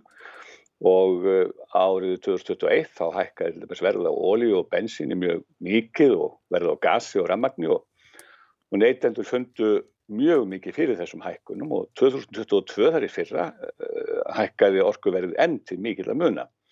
Og ástæðan fyrir þeirri sveblu var nú annars vegar talin vera eftirkostina því mikla efnahagslega áfalli sem að koronafaraldurinn olli hér sem annar staðar og auk þess sem að innráðs Pútins í Úkræðinu vó mjög þungt á metum, ekki sístir í Þískalandi af ástöðum sem við nú farið yfir vegna þess hvað þjóðverði voru háðir gasinu frá austan. Mm. En eh, að vegna þessar aðstæðan þá spáði hagfræðinga því hér að, að verk þjóðaframleysla í Þískalandi myndi draga saman um 0,2 af 100 í byrj uh, á, á, á, þessu, síðast, á þessu ári segir. En eh, núna í byrjun þessa mánuða þá leiðréttuði spána, það var segja nýður á við, og gerir nú ráð fyrir því að þessi samdráttu þjóðafræðanmjöslu í Þískalandi verði mun meiri eða, hálf prosent eða 0,5 prosent og því er líka spáð að verðbólgan, margum redd að hún verði að meðaltali 6 af 100 á árunni 2023 þar að segja á þessu árið sem nú er í líða og það eru þetta mikil munur þá því sem verði fyrir um þetta leiti þegar þá var hún í 10%. En eh, sannkvæmt ofinbjörnum tölum þá mun kaupmáttur launa hjá þýskum launþjóðum hafa rýrnað um 4,7% á síðasta ári og þessi rýrnun er töluvert mikil og hefur á vonum byrnað mest og verst á þeim sem hafa lægstu launin eins og alltaf gerist í svona árferði. Og stjórnvöld reyndar sáttu ekki aðgerða laus heldur brúðustu við þessum aðstöðum með ýmsum aðgerðum og meðal annars þá var sett þak á hækkanir á orkuverði sem hafði mjög mikið að segja fyrir almenna neytendur og, og uh, það má kannski skjóta því hér inn til fróðlegs að í, í þessari frægu innkaupa körfu sem ég held að sé nú við að notu sem viðmiðun í sambandi verðbreytingar og verðbólgu þá eru hér 600 vörutegundir og ég ætla nú ekki að fara út í þá sálma í smáadrýðum en, en það er ef að menn hafa ekkert annað að þrasa um þá geta alltaf þrasa um það hvort að það eru vörutegundir sem eru í þessum flokki eigi þar heima eða ekki eða í körfunni sko. ja. og En sangkvæmt ofinbjörnum tölum þá fór verðbólgan að hjaðna uh, í júli, það er þessi síðasta mánuði og var komin niður í 6,2% og síðasta og núna er hún rétt um 6% þannig að þetta er þetta ekki svakar í hjöðnun en þetta er talið mjög uh, góðs viti. En það mónu kannski nefna það að, að það eru þetta langt frá þeim uh, þeirri 2% verðbólgu sem Evropabankin hefur talið að, að verðbólgan ekki að fara yfir eða 2% segir hann er, er það sem er vefnað en, en verð á helstu nöðsynleförum er jú eitt svona mikilvægstu þátturinn í þessum mælingum öllum og uh, mað, það hefur sko þessar hækkanir hafa, á vöruverði hafa bitnað eins og segir mest á þeim sem hafa minnst á milli handana og en nú er ljóst og maður bara tekur eftir því sjálfu, ég verið að skoða þetta aðeins svona Eh, ekki sem hagfræðingur heldur bara sem velju neytandi að það er hægt og bítandi verið að lekka verð á sumum vörum í búðum. Já. og þó að þau verður kvarta alltaf, alltaf mikið þá er þetta greinilega að, að komast á, á réttan kjöl Emið það og, og uh, þjóðu verið kvarta mikið já en þeir hljóta að fagna þessu að finna þetta eins og segir ef að fólk fyrir að finna fyrir því að verði læki Já, það gerir það og menn finna mjög flott fyrir því vegna þess að þetta eru náttúrulega umtalsverða lækkanir þegar þetta fyrir um heilu prósentu stígin nýra við. Já, einmitt. Og þú hefur ekki bara farið í búðir í Þýskalandi, heldur líka á Íslandi? Já, já. Eh, ég uh, þurfti að skreppa nokkara daga til Íslands í síðustu viku. Og ég er nú ekki maður sem har ápar millir Vestlandan til að kanna og bera saman vöruverð en eh, það vildi svo til að ég var bara beinlega að koma út úr búði í Þýskalandi þegar ég kom inn aðra á Íslandi og og þá tók ég nú eftir því að ég var að köpa sögum á sama verning að það var ansi mikill munur. Og uh, ég tók eftir því að ég var að borga rómlega helmingi meira fyrir svambærilegar og sömu maturur á Íslandi eins og hér í Þískalandi og þetta reyndar uh, er ekkit einstaklisbundin skinnjum mín að ég hef upp á síkasti hitt nokkra vinni og kunninga Þíska sem hafa verið að ferðast í Íslands á þessu áru og eiga það sami þetta að fara þánga fyrir nokkur árum, ég er að tala um þrjá menn sem ég hef hitt og og þeir sögðu strax við mig þegar ég hitti þá eftir Íslandsferðina að hefði, þá hefði Rikki rógastans og þeim hefði brúðið fyrir sáu hversu gríðarlegar verðhækkanir hefðu orðið sérstaklega á nöðsynjavörum og á þess að vera nú að fara nána út í þá sálma þá mennum við nú kannski málsváttuna glögt er gests augað. Akkurat, já. Höfum ekki fleiri orðum það í byli, við skulum færa okkur í aðra sálma um, það eru hópur eða, eða já, sem að kalla sig síðasta kynnslóðin hvað hérna segð okkur frá þessum, þessum þessu fólki Já, þetta fólk er svona í mjög lausum tengslum við aðra hreyfingu sem að margir rekja nú heima og heitir já, förstu þetta allir fremtíðir eða Fridays for Future og eh, eru auðvitað með er stefnumála þar að segja þetta er hópur sem berst fyrir því að menn tæti umhverfismálinn og hlínun jarðar og lofslagsvána alvarlega. En eh, aðgerðirnar sem þeir hafa gripið til og aðferðirnar sem er nota þær eru mjög umdæranlega svo ekki sem er að sagt og þessi hópur var búin að hóta því reyndar um, eh, fyrir síðustu helgi að, að, að það myndi láta mjög að sér hveða í Berlín Uh, hér í Berlín í, uh, í byrjun þessara viku. Og uh, að snemma í gerðmorgun að þá tók hluti hópsins sér til og spröytaði málningu á sjálft Brandenborgar hlýðið og það er aldrei sem meldist vægast að illa fyrir hjá borgurum og almenningi hér í Þískalandi og sérstaklega hér í Berlín. Það verður að taka fram að þetta merka hlýð sem allir sem hafa heimsótt Berlín hafa náttúrulega séð og þekkja og og hinn er að myndum að þá er þetta ekki bara svona eitt af uh, frægustu menningarvörðum Berlínaborgar heldur líka eitt þekktasta fríðartákn í Þískalandi og þetta er umlega 20 metra há og umlega 60 metra breyða mannvirki sem að Fríðrik Annar brúsakongur létt upp að byggja á árunum 1789 til 1793 hefur alveg sérstakann sess í hugum flestra þjóðverja. Uh, til þess að rifja þau upp að þá sjáum við náttúrulega eftir á hliðinu stittu af Sigur Geiðunni Viktoríu. Hún sittur þar í vagnir sem að fjóri gæðingar draga og þessa, þetta Sigur Geiði er ták fyrir friðin. Hún er, er bóðbyrri friðar og að færa borgarbúum í Berlín frið. Og þess vegna var náttúrulega við því að búast að, að atlaga beinlinni svo árás að þetta merkingar þrungna ták. Það færi mjög illa í borgarbúa og þjóðveri alla. Og, uh, ja, og þessi árás sé framinn uh, í nafni umhverfis verndar uh, svo vorum við náttúrulega að segja heilmikil vinna að reynsa þetta. Var strax farið þann leið og þetta var búið að gera þá, voru, þá var, þessi, var þessi litli hópur handikinn og, og svo var farið í það með, með gríðarlegum tilþrifum að reynsa súlutnar því að þetta er náttúrulega þekktast í ferðamannastæður í Berlín þannig að það er ekki gott að hafa þetta allt útklístaði í lit fyrir ferðamenn sem koma. En, eh, og hattusviðbröðun hafa alls ekki látið á sér standa og, og það er menn hafa bent á það þó að það ekki verið að engi vilja bara blaka af einhverjum hatt, einhverju hattus umræðu sem er alltaf leiðinleg og gefælt að þá e, e, spyrja mér sko sig að sí hvort að e, hérna, þessi síðasta kynslu eins og þau kalla sig sko skuli eigi að vera aðeins hvort, hvort að það sé rétt að vera að stunda svona skemdarverk þeir um leið náttúrulega fóruður út á gödurnar og þeir stórir hópar. Þetta var úr óvinni stórtækar aðgerðin núna og stórir hópar komið sér fyrir og límdu sér við götur og torg bæði altså fjölfarnagötur og fjölfarn torg eins og þeir hafa gert endar áður. Það gerður í kærmorgun líka. En uh, það er annað. Það hefur náttúrulega, þeir hafa gert þetta oft sem sé áður og það hefur vakið mikla gremju. En, uh, en þessar aðgerður miklu viðfæðmari hér í gær heldur en það hafa verið og miklu víðar um borginna og það gerðist náttúrulega sem að var óhjákvæmilegt og móti búast við að, að bílstjórar sem voru hindraðir í að koma að leiða sinna, þeir örðu æfir margir hverjir og það æfir að þeir fóru að ráðast á aðgerða sinna með valdi. Og uh, þetta er auðvitað mjög leiðilegt mál og lauruglan skakkaði leikin þar sem hún kom því við.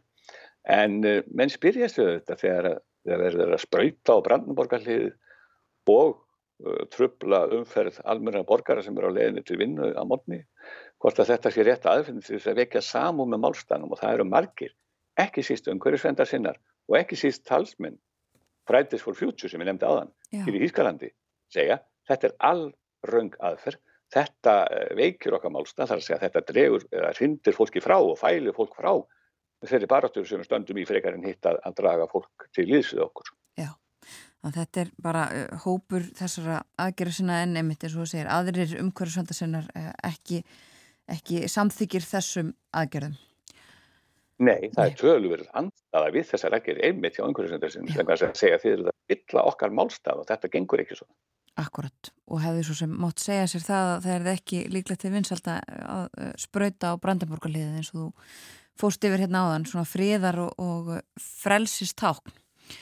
Og saminningatákn í skuríkjana ekki síst. Já, um, við fylgjum með þessu áfram en ef við ekki að ljúka spjall okkar í dag á léttari nótum Já, það var náttúrulega ég minnst annað að segja hér í Þískarlandum helgina og þar má nefna í skemmtara lífinu þá var náttúrulega oktoberfestið eða oktoberháttíðin sett og tsapt is, sagði hefur borgarstjórin í, í hérna München þegar hann sló í hérna eh, opnaði með, með bilmingshöggi fyrstu björntunnuna í München á á Theresienvísin eh, svæðinu þar sem að þessi gríðarlega skemmtuna haldin. Þetta er mesta alþjóðu skemmtuna þessu tægi uh, í veröldinni aðri og uh, hún verðist nú alltaf slá, það verðist alltaf slá all aðsoknum með núna því að uh, sangkvæmt törnum sem að bárust núna bara eftir helgina þá mjög 850.000 gestir hafa komið á oktoberfestið og oktoberháttíðina fyrstu helgina,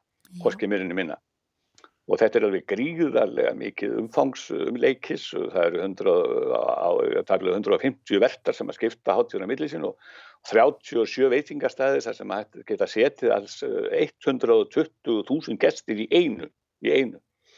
Og eh, stærsta tjaldið á hátíðinu rúmar bara 11.000 gesti og, og það er gestar áfyrir í það minnsta 6 til 6,5 miljón gesta í þetta árið. Og eh, það er ekki bara það að menn drekki uh, sleitu lust þarna, fara þarna sennilega um 7 miljónu lítra af bjór, maður styrka að minnast áfengi þannig að mhm. svoleiðis bjórnislega nú þetta okkar á getalandi en 7 miljónu lítra af bjór fara þarna og renda þarna um hverkar gesta og, og þeir eru heldur ekki, svelta heldur ekki því að rúmlega halv miljón kjúklinga er etinn á, á, á, á hátíðinni Já.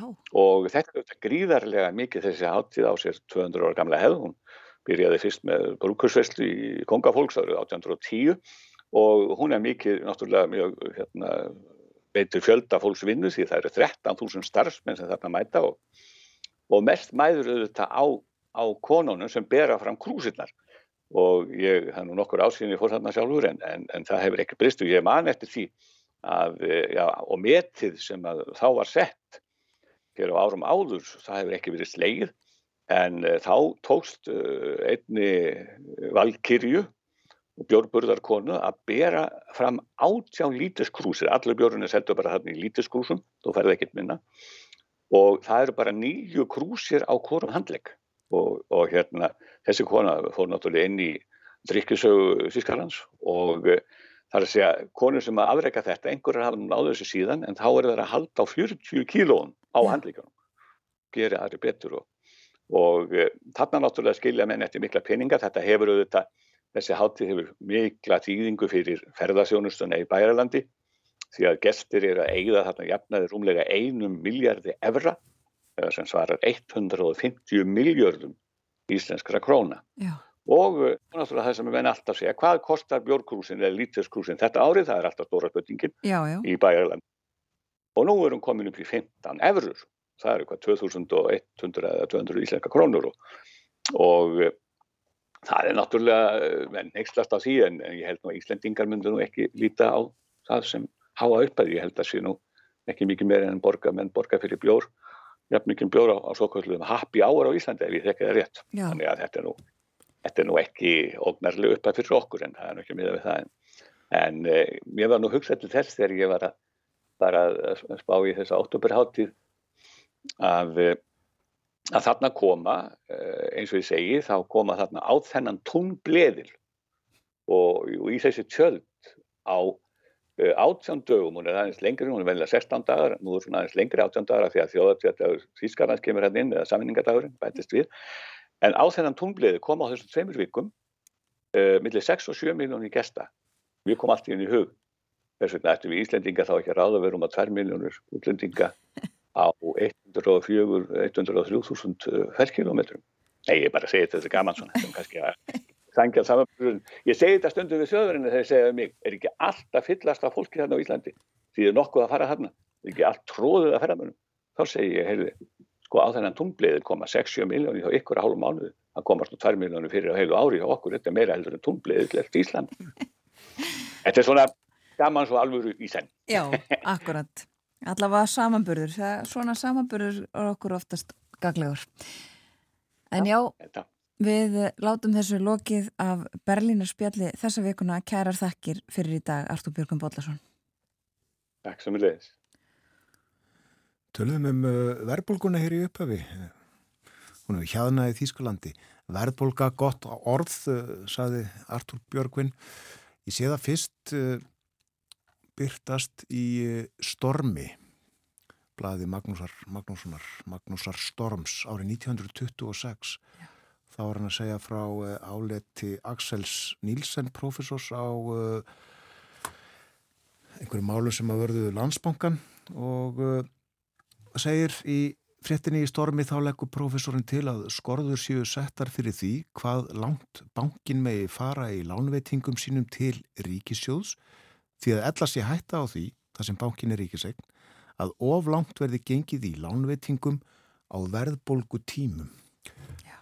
Þarna og svona byrtist þetta orð fyrst á prenti, allavega ef, ef, litið til þeirra blaða tímarita sem eru á tímarit.is Magnús Stormur, hann er stórmerkilegu maður Pétur Pétursson Þölur átti við hann samtali í morgunblæðinu 1980 fer nú ekki ítalega í efni viðtalsins en fyrirsögnin Sætsúpur eru mér viðbjöður Já.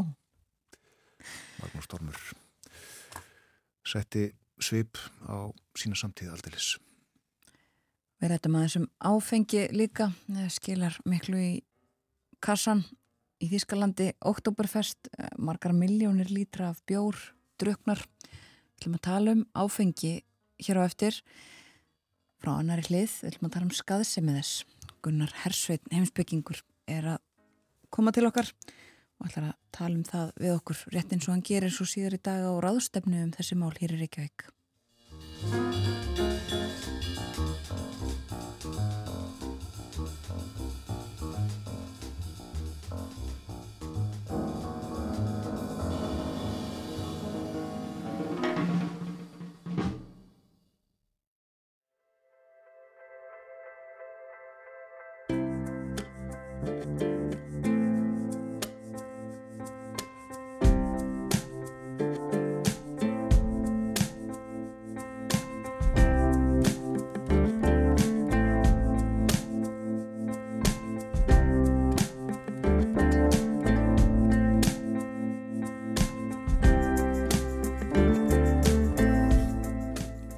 Nýð þegar það hlusta á morgunvaktina á rás 1. Klukkan er réttliðlega hálf nýju. Það er þriðu dagur í dag komin 19. september. Og eitt og annað höfum við fjallað um það sem hafur degi en uh, hér næstu mínútur ætlum við að uh, fjalla um ráðstefnu, norranna ráðstefnu sem að framferi Reykjavík í dag. Já, ekki kannski um uh, ráðstefnuna sjálfa, heldur um efni hennar, áfengi og líðhelsu. Já, að þessi ráðstefna hluti af uh, því sem að Ísland er að gera í formensku í Norrannu ráðhæranemdini og þarna verður fjallað um skaðsemi áfengis í víðu samhengi og meðal þeirra sem að taka til máls á ráðstefninu í dag er Gunnar Hersveit heimsbyggingur. Hann fjallar um það sem er kallað á ennsku normalisering að gera áfengisnislu eðlilega sjálfsagða uh, jafnvel bara út um allt í samfélaginu. Hann verður veld áfengi fyrir sér lengi og er hinga komin til að ræða við okkur velkomin á morgunvaktina. Kæra þakkir. Er uh, og finnst þér um, áfengisneisla út um allt í samfélaginu, auglist og, og sínt? Já, mér finnst hún mjög ábyrrandi og ég er svona, já, verið fengið svona aukin áhuga á þessu og, og tók eftir hvernig þetta var að breyðast út síðust árum á alla viðburði og, og hérna og líka bara að fara í heimahús þeir er alltaf búið áfengi. Mm. e, og þannig að það var búið svona áfengisvæða allt. Og stundum verður maður mjög hissað að maður sér jáfnveg hlaup eins og var í alladal Prosecco e, hlaupið eða freyðivinslaup það sem hlaupar átt að mæta bara með freyðivinsglas það er svona og svo er verið að selja áfengi bakvið þannig að maður eru tekið eftir sko svona hagsmuna aðilar eru komnir með sína vöru inn í svo marga viðburði þannig að þá fór ég svona uh, skoða þetta og skráta niður og þannig að Og þér finnst þú að einmitt bara séð og fundið breytingu bara hvað er þá um árum? Hvað Já, þetta verðar? Það verður alltaf æg meira. Og þar sem áfengi er svona ávanabindandi efni og þá fór ég að lesa svona bara vísindin í kringum þetta og hlusta á sérfræðingana, líðheilsufræðinga og, og hvað, hvað, hvað tengis mörgum sjúdómum áfengi, svo var hefur komið í ljós sko undanferðin árum þá er ríki verið að það var alltaf búið til einhver svona skamtur vikuskamtur að áfengi fimm glös eða eitthvað svona. Já. og þetta er eiginlega komin í null núna í mörgun löndum að því að jafnvel eitt glas veldur uh, skada og uh, þá fór ég svona að hlusta betur á þau og þá og skrá niður þar sem að þau segja. Og það er bara einhvern veginn uh, finnst mér svo áhrifaríkt að já, en svo er sko, eins og í fjölmjölum og, og hérna hagsmunæðilar læða þessu svona inn í jábel, eh, sko það eru frettir og það er tala, mikið talað um eitthvað vín eða allt eins og þetta sé eðlilegt og svo fór ég að fylgjast með alþingi á þess ári svona mm -hmm. frumverfum Já, uh, það er tölvert talað um þessi mál þar mm -hmm. og verið, já það hefur nú kannski uh, verið lengi allavega einhverjir sem að uh, vilja gera breytingar á löggefin í kringum áfengi, uh, söluna og kaupin á já. áfengi. Já, ég fylgist með núna á þessu ári bara ákvaða að taka markvist, fylgjast með alltingi, já.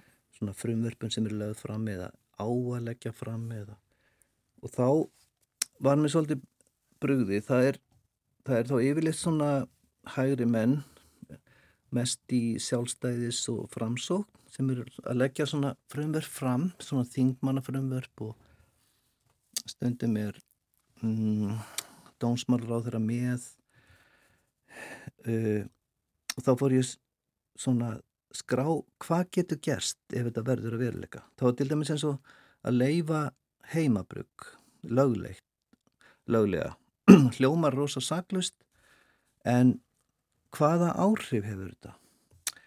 e, þá má segja að það verður semst löglegt að brugga áfengi á heimilum og viðmiðið sem ég tek yfirleitt eru börn. Hvernig líður börnum með það?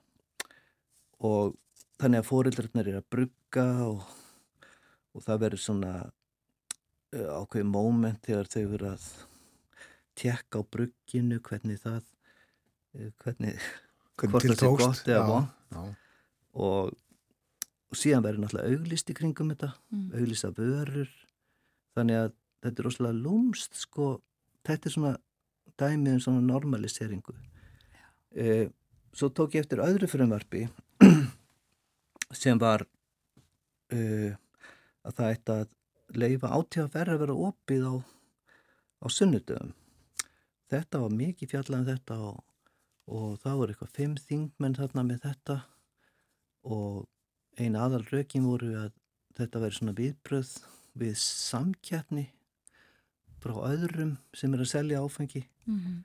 e, og það var og það var það sem er mest notað helstur rökin sem er notið fyrir þessum frumverfum eru að það sé verslunafrelsi og það má ekki skerða verslunafrelsi við verðum að fá að selja hvað sem er hvena sem er.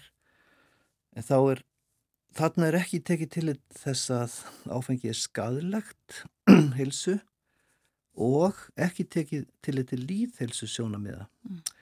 sko þegar maður tekur þetta hugtak verslunarfrelsi þá stendur það ekki bara eitt í heiminum sko og það sé alltaf ofan á heldur er þarf að setja því takmörk og skoða hvaða vöru er verið að selja. Og sérfræðingar og vísindin segja bara að það sé e, alls ekki rálegt að auka aðgengi að áfengi því að það muni hefur komið fram bara í rannsóknum Erlendis og hér því meira aðgengi uh, því fleiri sjúkdómar því meira ála á heilbríðiskerfið og það finnst mér svo sérstakt með þegar aldíkismenn er að berjast fyrir vestlunarverðelsi að þá gleyma þeir að taka til til sko heilbríðisjónamiða það verður meira álag uh, fleiri sjúklingar, fleiri döðsföll það er yfirlega aldrei talað um það í þessum frumvörpum. Svo var eitt frumvarpi var til dæmis það var snýrist aðalum að lækka aldur á hinum á þessum stöðum meðal annars áfengiskaupa aldur nýri átján. Það var svona bara einn setning hérna í einu frumvarpi sem að hafði sem er svolítið lúmst Mhm. þannig að og líka eins og hefur komið fram svona að einhöfmyndin að leggja niður á TFR þannig að sko vera komisu á markað Mm. en markaðurinn sjálfur er svona gildislaus hann tekur ekki tillit til persóna eða fólks þannig að þetta er svona vakið undrun mína þessi frumvörp hvað eru einhvern veginn svona einhæf og illa gerð sko Mm. En þau hafa nú ekki verið samþygt, það hafi ekki verið gerða breytingar á áfengislögjöfinni. þau voru ekki samþygt, þau voru öll lögð fram sem hefur verið lögð fram aftur og verður örgulega lögð fram aftur. Þannig að það er algjörlega tilefni til að berjast gegn þeim. Af því að þau kom alltaf aftur þangað til þau og það hefur, þau viti að það hefur verið slakað á. Já, og það er alltaf aðeins meiri slökun sko gerist hægt. En það er mitt uh, er þannig og, og, og það er fleiri heldur en einmitt átjöfafer uh, farnir að- að selja áfengi, Já. það er hægt að kaupa áfengi í gegnum einhverjar netverslanir uh, og, og þær eru gerir ég ráð fyrir, opnar alltaf bara eins og netið, en sko einhverju myndu kannski segja að þarf ekki einmitt að uppfara löggjöfuna í takt við þetta sem að er lúmst einhvern veginn og bara orðið að veruleika. Já, þarna er uh, það var eitt frumvarpi líka að lögleiða vínsölu á netinu Já, og það er semst uh, bannað en það er gert. Mm. það er svona ákveðin linkind gagvart þessu. Og uh, átíðafer hefur ekki fengi, ég reynda að kæra þetta en kæran fór aldrei alla leið. Forst, hérna, fjármálaráðinni stoppaði það. Þannig að þetta er svona einhverju limbói. Það má en má ekki og allar þessar lúmsku auglýsingar.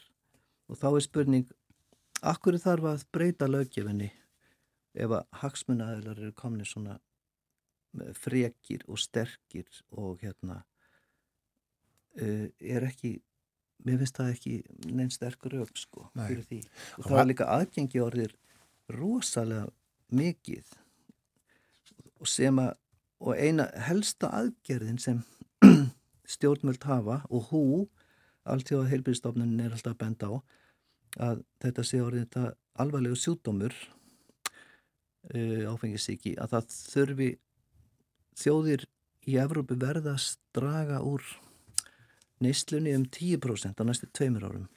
Það er bara og við erum sammála því og ætlum að vinna að því en akkur er þá að á sama tíma að leifa uh, óhefta sölu á netinu er það til að auka um 10% eða Já. sko að því við þurfum að ná þessum markmiði sem að við erum allir vilja við viljum ná Það var hendur ekki hár nákvæmt hjá mér að, að ekkert hefði breyst uh, sala frá svona litlum brugghúsum er leið. Mm Mhm. Svo breyting hefur orðið fyrir árið að tveimur.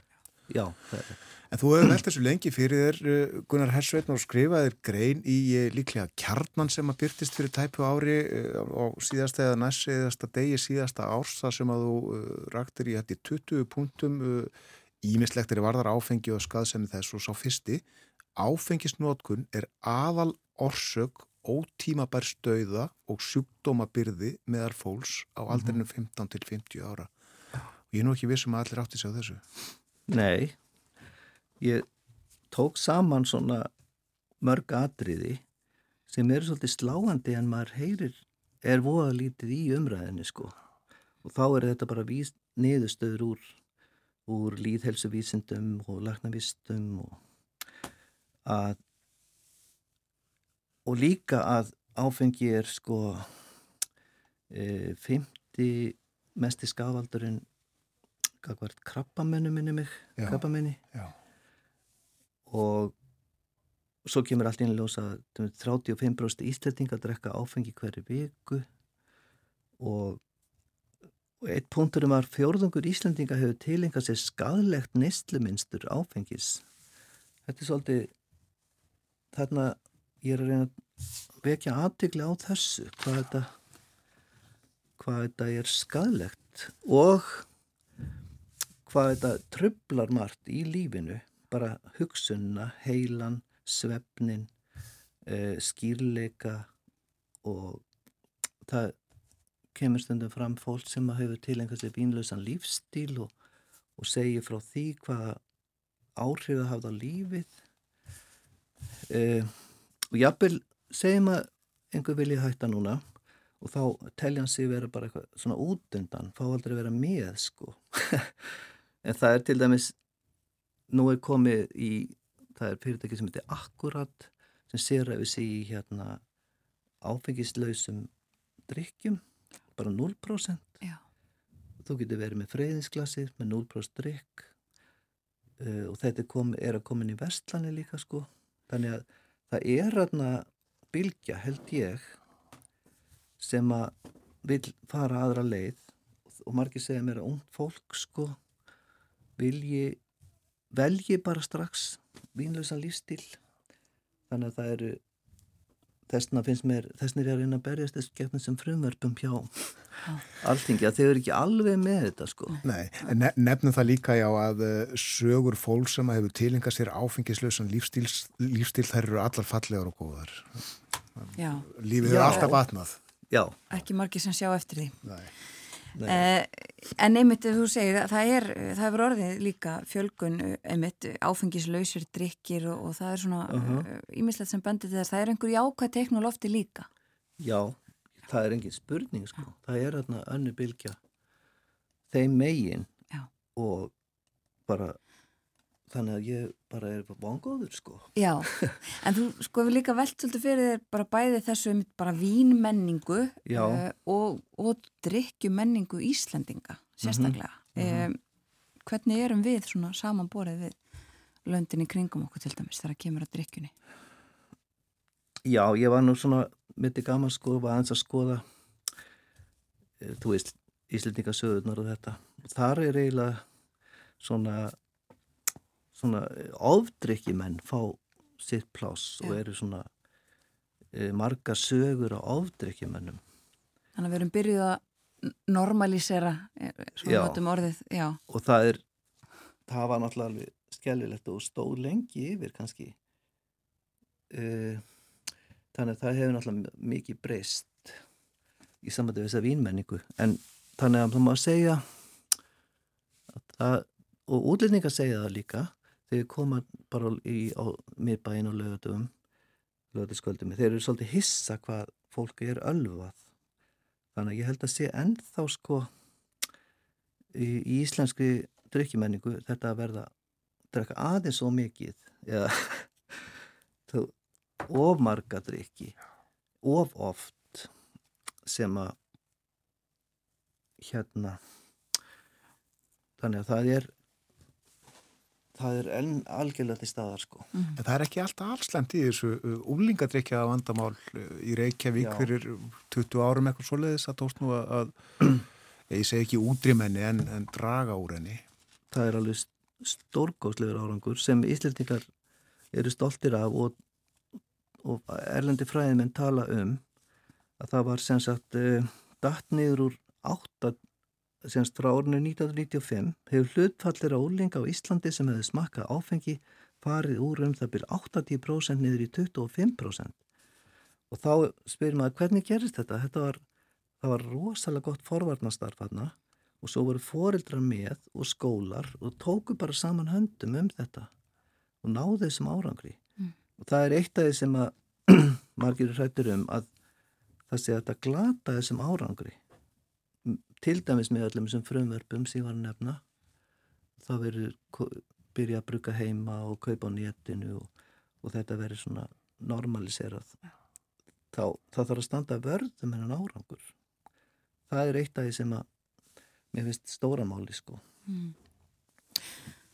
og takmörkun á áfengisneislu eins og þú komið inn á svona í nokkrum uh, nokkur skipti er líðhelsumál og já. það er, já og það er náttúrulega það sem að ég eh, kannski þversögnin er stundum í eins og alþingi og, og, og, og fleiri stöðum að því að uh, við erum með einhverja líðhelsu stefnu er það ekki og erum að vinna að þeim málum. Og þá, það sem að líka þessar ástöfna í dag snýstum Jú, við erum með mjög margt með velmenta fólk uh, og það er sem er að vinna í þessum málaflokkum landlækni, krabbaminsfélaginu líðhelsu fræðingar og þau skrifa um þessi frumverf sko sendin aðtöðsendir en um skarsemi og reyna að vinna að berjast sko gegn því að það verði meira aðgengi að áfengi mm. og já Og þetta verður allt rætt á þessari ráðstefnu í dag, uh, mm -hmm. hún hefst bara, eða er að hefjast núna held ég, er það ekki? Og stendur Jú. í allan dag. Já. Og uh, getur fólk fylst með henni? Uh, já, það er, maður fer hérna inn á hjá stjórnaræðinu já. og þar er satt frá ráðstefnunni og þar er svona tengill. Takk fyrir að koma til okkar á morgunvaktina Gunnar Hersveitn og ræða við okkur um áfengi og líðhelsu. Takk sem við leiðis.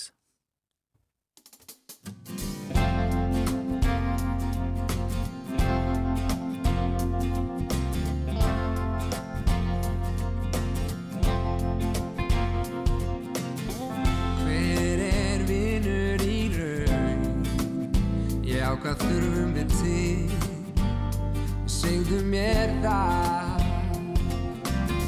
Sumir syrkja á laun. Af og til getur gerst Er kannski eitthvað að. Ef þú vil gera eitthvað góð Þarf bara vera hér og sína vinnar vort Með þér vinnur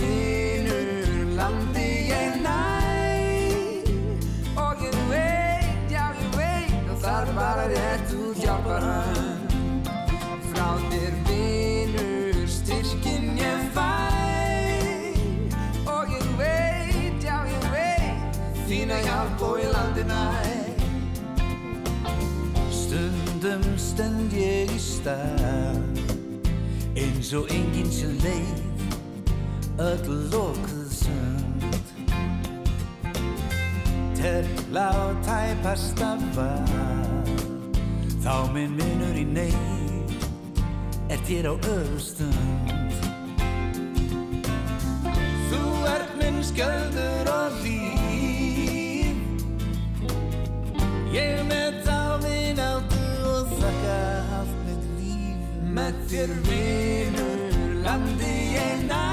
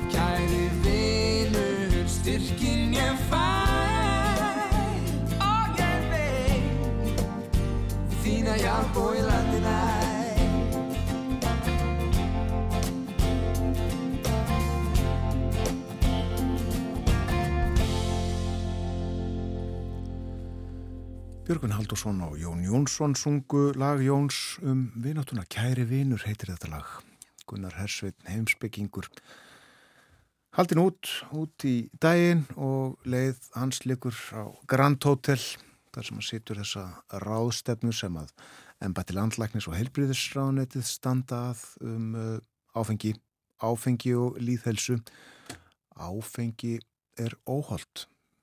Ég held að allir fræðimenn, sérfræðingar uh, séu sammálaðum það. Einu sinni heldum við að þetta væri gott svona eitt glas annarslægið, gott fyrir hjartað en uh, svo komist menna því að uh, svo er bara alls ekki Anna Sýriður Ólastóttir, professor í næringafræði, sagði okkur það í einhverju spjallinu um uh, næringuna og ráðlaðan dagskamt af hinn og þessu hér á morgunvaktinni. En Gunnar Hersveit var síðasti gestur okkar hér á morgunvaktinni í dag. Við hófum daginn á því að ringja til Seyðisfjörðar þar sem að Hildur Þórisdóttir sagði okkur frá ástandi mála þar sem rignir eldi og brennisteini og áframverður í gildi appelsínu gul viðvörun og hættustig þar út daginn. Við töluðum líka um efnahagsmál við Þórsna Júliusson og uh, líka um efnahagsmálinn í Berlínarspjalli þegar Artúr Björgum Bodlason var með okkur. Og nú síðast ég á Gunnar Hersveit. Við þökkum samfélgina í dag, verðum hér aftur í fyrramálið. Bjóðum góðan dag þegar klukkuna vantar tíu myndir í sjö eins og alla virka daga. Verðið sæl og hafið það gott.